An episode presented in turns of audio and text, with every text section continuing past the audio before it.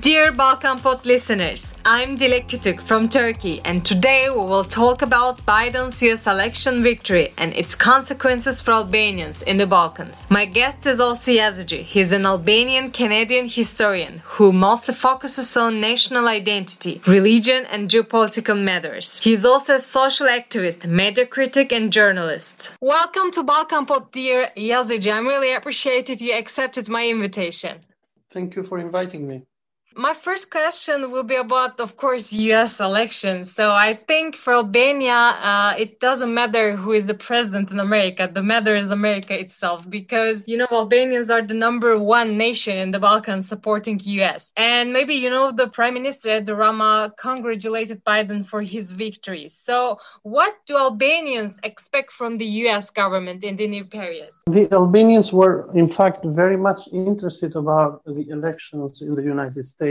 Because uh, the Americans have been detrimental on uh, the independence of Kosovo. So it was the NATO intervention in Kosovo in 1999, which enabled Kosovo to separate itself from Serbia. And uh, uh, continuous uh, American administrations, they have been very friendly with the Albanians, but uh, the recent Trump administration was not friendly. The Trump administration was friendly with uh, Serbia, and this thing worried the Albanians a lot. The economic normalization agreement that the Trump administration made between the government of uh, Serbia and uh, Kosovo a few weeks ago was very worrying because uh, Trump administration forced the Albanians of Kosovo to retract from their independence and to give many benefits to Serbia without anything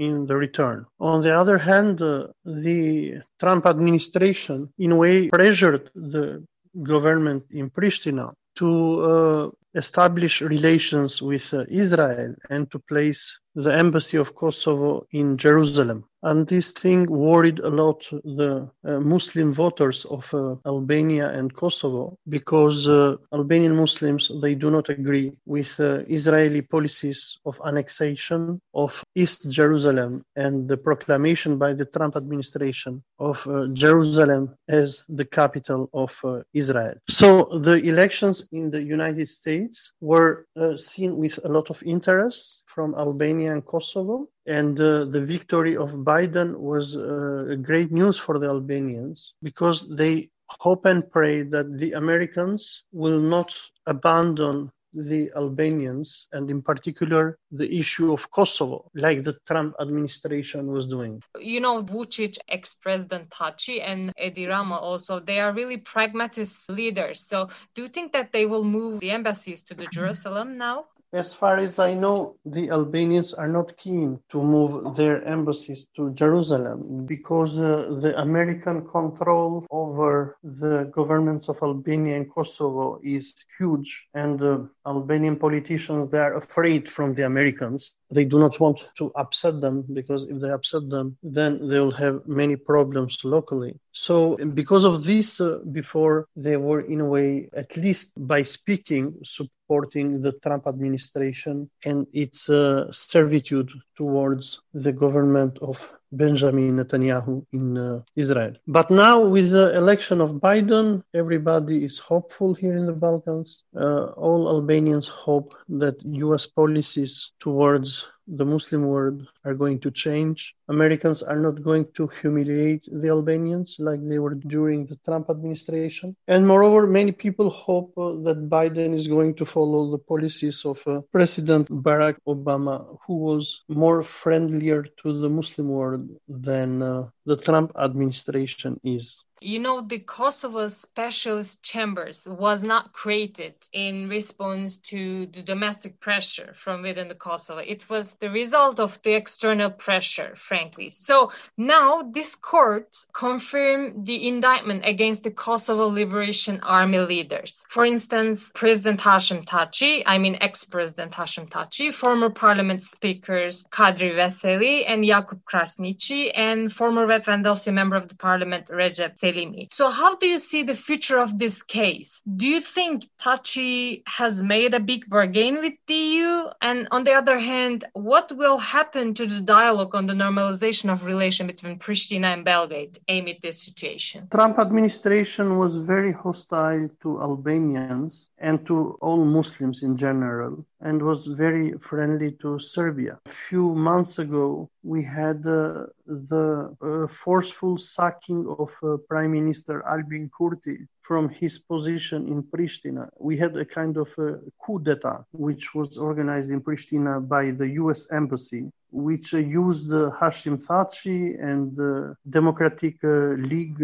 of Isa Mustafa to oust Albin Kurti because Albin Kurti was not accepting the blackmails of Richard Grenell, the special envoy of President Trump for the uh, Balkans, and the blackmails of uh, uh, Secretary of State Mike Pompeo, uh, who wanted Kosovo to recognize Serbia, to remove uh, its uh, blockade on Serbian goods, and in return to get nothing from uh, Serbia. So the Trump administration have been very, very hostile and scary for the Albanians. And the latest arrest of uh, Hashim Thaçi, Jakub Krasniqi, Kadri Veseli, it seems for many people here in the, the Balkans as the final revenge by the Trump administration against the Albanians. It is a total national humiliation that uh, the Trump administration did against uh, the Kosovo leadership, the leadership of UCK or KLA, the Kosovo Liberation Army, an army which allied itself with the United States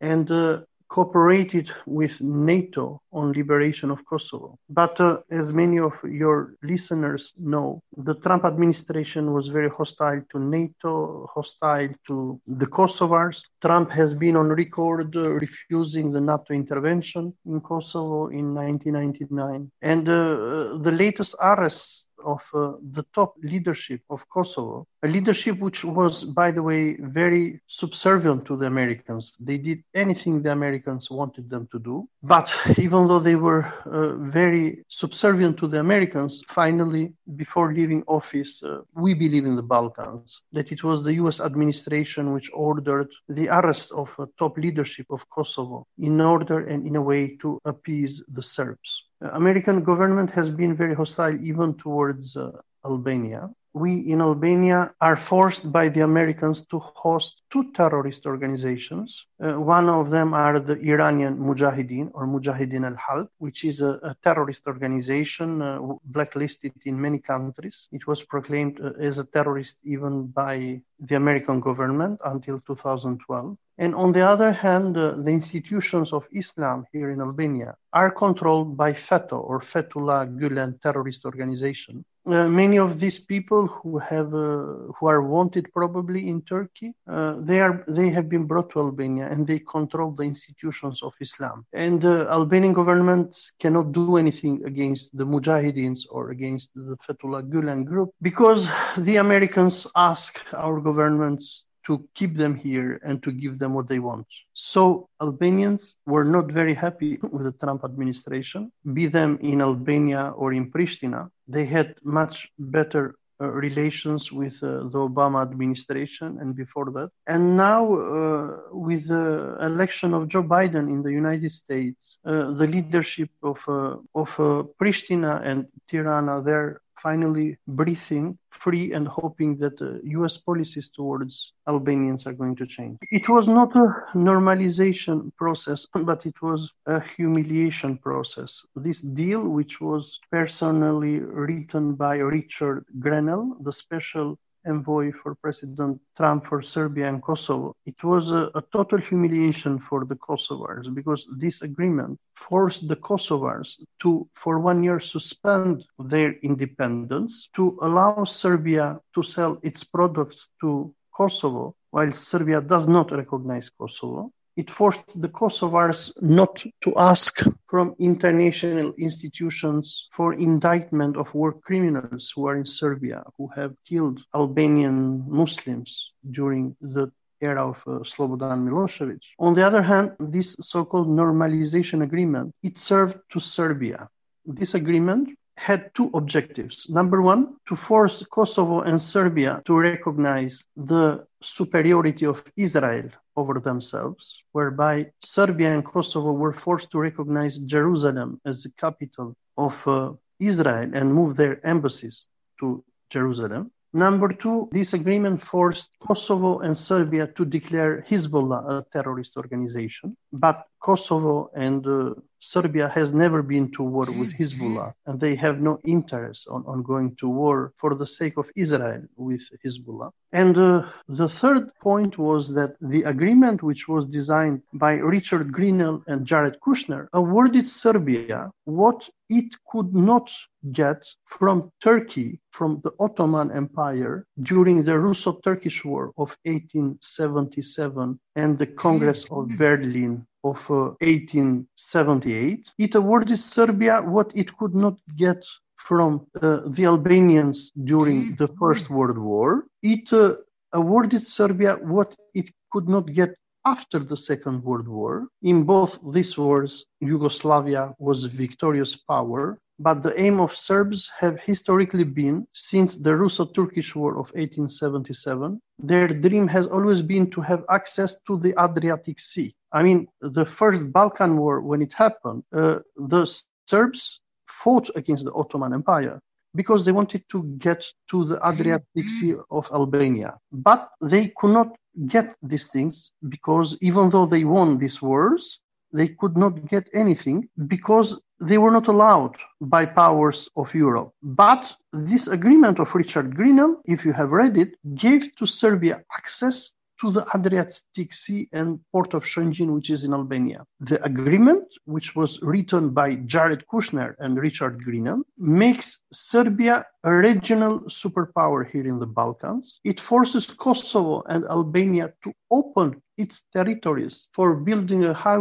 a highway and a railway from Belgrade to the port of Shëngjin in Albania. And this railway and highway for Serbia will be built by money that big uh, American bankers who stand behind Jared Kushner are going to loan to Albania, Kosovo, and Serbia. And these loans, for this access that Serbia wants to have to the Adriatic Sea, the loans are going to be paid by Albanians. So it was a total humiliation. In the case of Albanians, the Trump administration forced the leadership of Pristina and Tirana to put their countries into a huge loan, which was going to be taken by bankers connected with Jared Kushner, the son in law of Trump. And Albanians were going to construct a road with their own borrowed money for Serbia. And Serbia was going to get access to the Adriatic Sea. Sultan Abdul Hamid made the League of Prizren for Albanians in order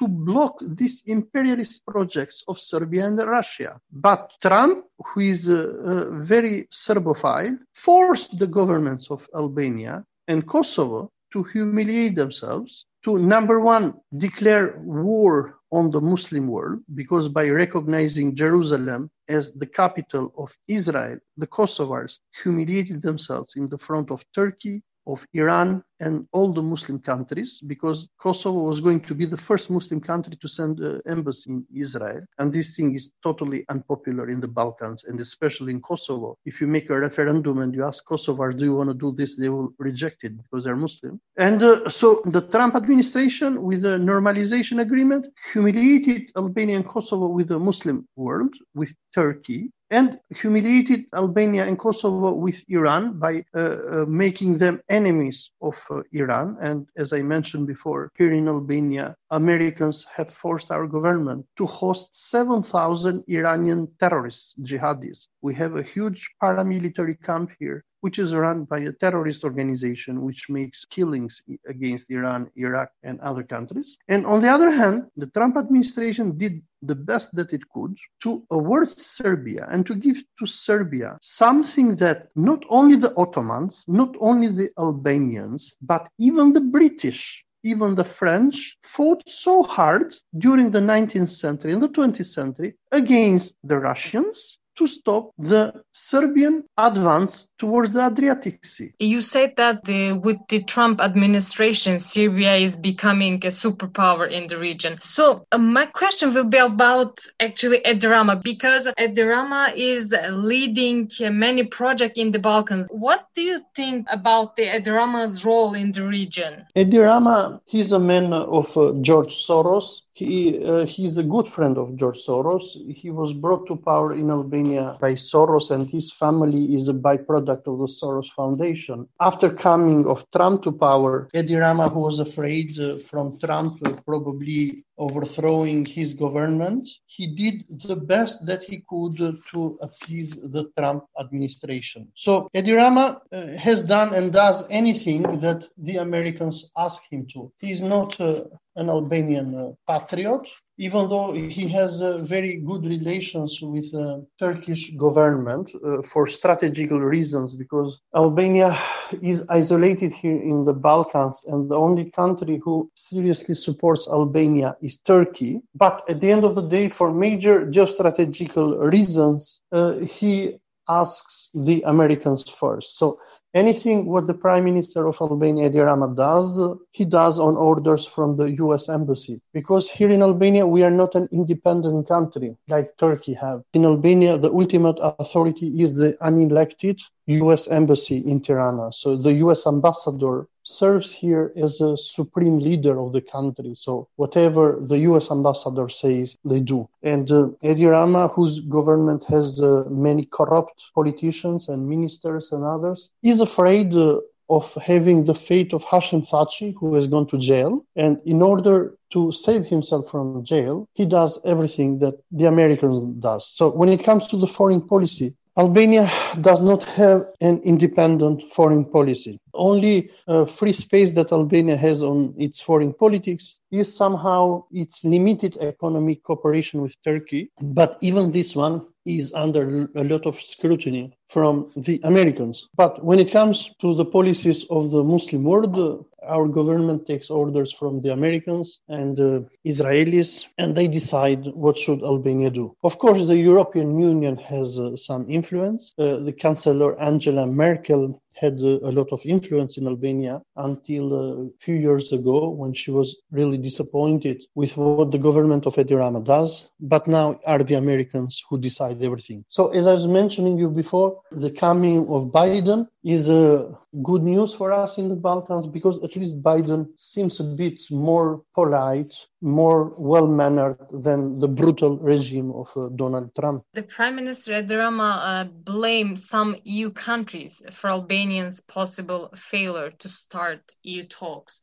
So, do you think that Albania is ready for the membership of the European Union? And do you believe that Albania still has a lot of work to do in order to become part of the. Our prime minister blames European governments, but as a matter of fact, I think that the Europeans they are right. Albania is a very corrupt country. Our top politicians are connected with the organized mafia. We had an interior minister who is charged of organizing massive drug smuggling towards the European Union. Albania, by hosting uh, ex-terrorist organizations like the Mujahideen al-Khalq, who are 7,000 here, is a big security threat for the European Union. So I think that uh, the Albanian government itself doesn't want to integrate itself into the EU because by integrating into the EU, then there will be many responsibilities in front of our government before uh, the European Union. So there is a kind of uh, love and hate relationship between our government and the EU. Uh, when uh, the government of Edi Rama came to power in 2015, the relations were very good, especially with Germany. There were high hopes from Germany and the European Union that Albania will soon join. But Albania is not ready. Edi Rama, time after time, threatens uh, the European Union with uh, the threat of Turkey. They tell them that, okay, if you don't uh, take us, we will join Turkey. But these are simply empty uh, blackmails that they, that they do. But uh, after all, responsible for what happens in Albania are the Americans, American embassy. They have total go- uh, control over Albania today. Today, Albania is like uh, Haiti or the Dominican Republic or like Iran in time of uh, Mossadegh, where Americans had huge say over what happens in this country. So this is another reason why many European governments are upset with Albania. They do not see us as an independent East European country. They see us mostly as a puppets of the Americans, but they do not dare to speak against them. And this is the status quo which exists, and I believe that it will continue like this for a long time. Lastly and shortly, I would like to hear your words about the Uyghur problem because I know you visited the concentration camps and you have become very famous after that across the world. So that's why I would like to hear your words. What do you expect from US, Turkey, and the other countries Unfortunately, there is very little thing that uh, Turkey can do to save Uyghurs because uh, China is a superpower and uh, Turkey uh, is a second world power and it is too far from the border of China and the possibilities of Turkey to save the Uyghurs are very minimal. Now there are many accusations, especially in the West and um, in very often by some evangelical Christians who manipulate the Uyghurs who try to blame Turkey for not helping Uyghurs enough. I think Turkey is one of the countries that does and has done for the Uyghurs more than any other country has done in the world. Turkey has hosted many Uyghurs. Uh, most of Uyghur diaspora lives in Turkey. But coming back to what the world, what the United States can do to save the Uyghurs in China, the problem is that uh, China today is uh, probably the most powerful country in our planet, even more powerful than the United States. I visited in August 2019 uh, the detention centers of Uyghurs invited by the Chinese government, and I saw how the Chinese are mass assimilating and destroying the Turkic Muslims of uh, Xinjiang. I mean, the poor Uyghurs have been so much overwhelmed by the Chinese occupation that uh, they cannot do anything about it. The Americans, especially during the Trump administration, they propagated a lot about the Uyghur issue. But in my opinion, the propaganda of the Trump administration was uh, used for political purposes by the Americans for their own political ends to blackmail the Chinese, but not to resolve the Uyghur issue. So my dim conclusion is that uh, the Uyghur issue is a very desperate issue. It is a major genocide that China is doing against its Turkic Muslims. But unfortunately, for the time being, I don't see any power in the world that can do anything to save them. The only uh, thing that can save the Uyghurs is uh, if the world, especially the Muslim countries, get united and they demand from China to tolerate the existence of the Turkic Muslims and Islam in China. But as things stand now, with the total isolation, mass detention centers, state propaganda against Islam, uh, destruction of mosques, force, the forceful assimilation of Uyghurs into Han Chinese, and moreover, the economical and military superiority of China over the rest of the world make the situation of Uyghurs very, very fragile and very difficult to be solved. Dear Dr. Jazexhi, thank you very much for this very fruitful conversation. I'm really thank you for this. You are welcome. Dear Balkan Pod listeners, see you next week, same day, same time.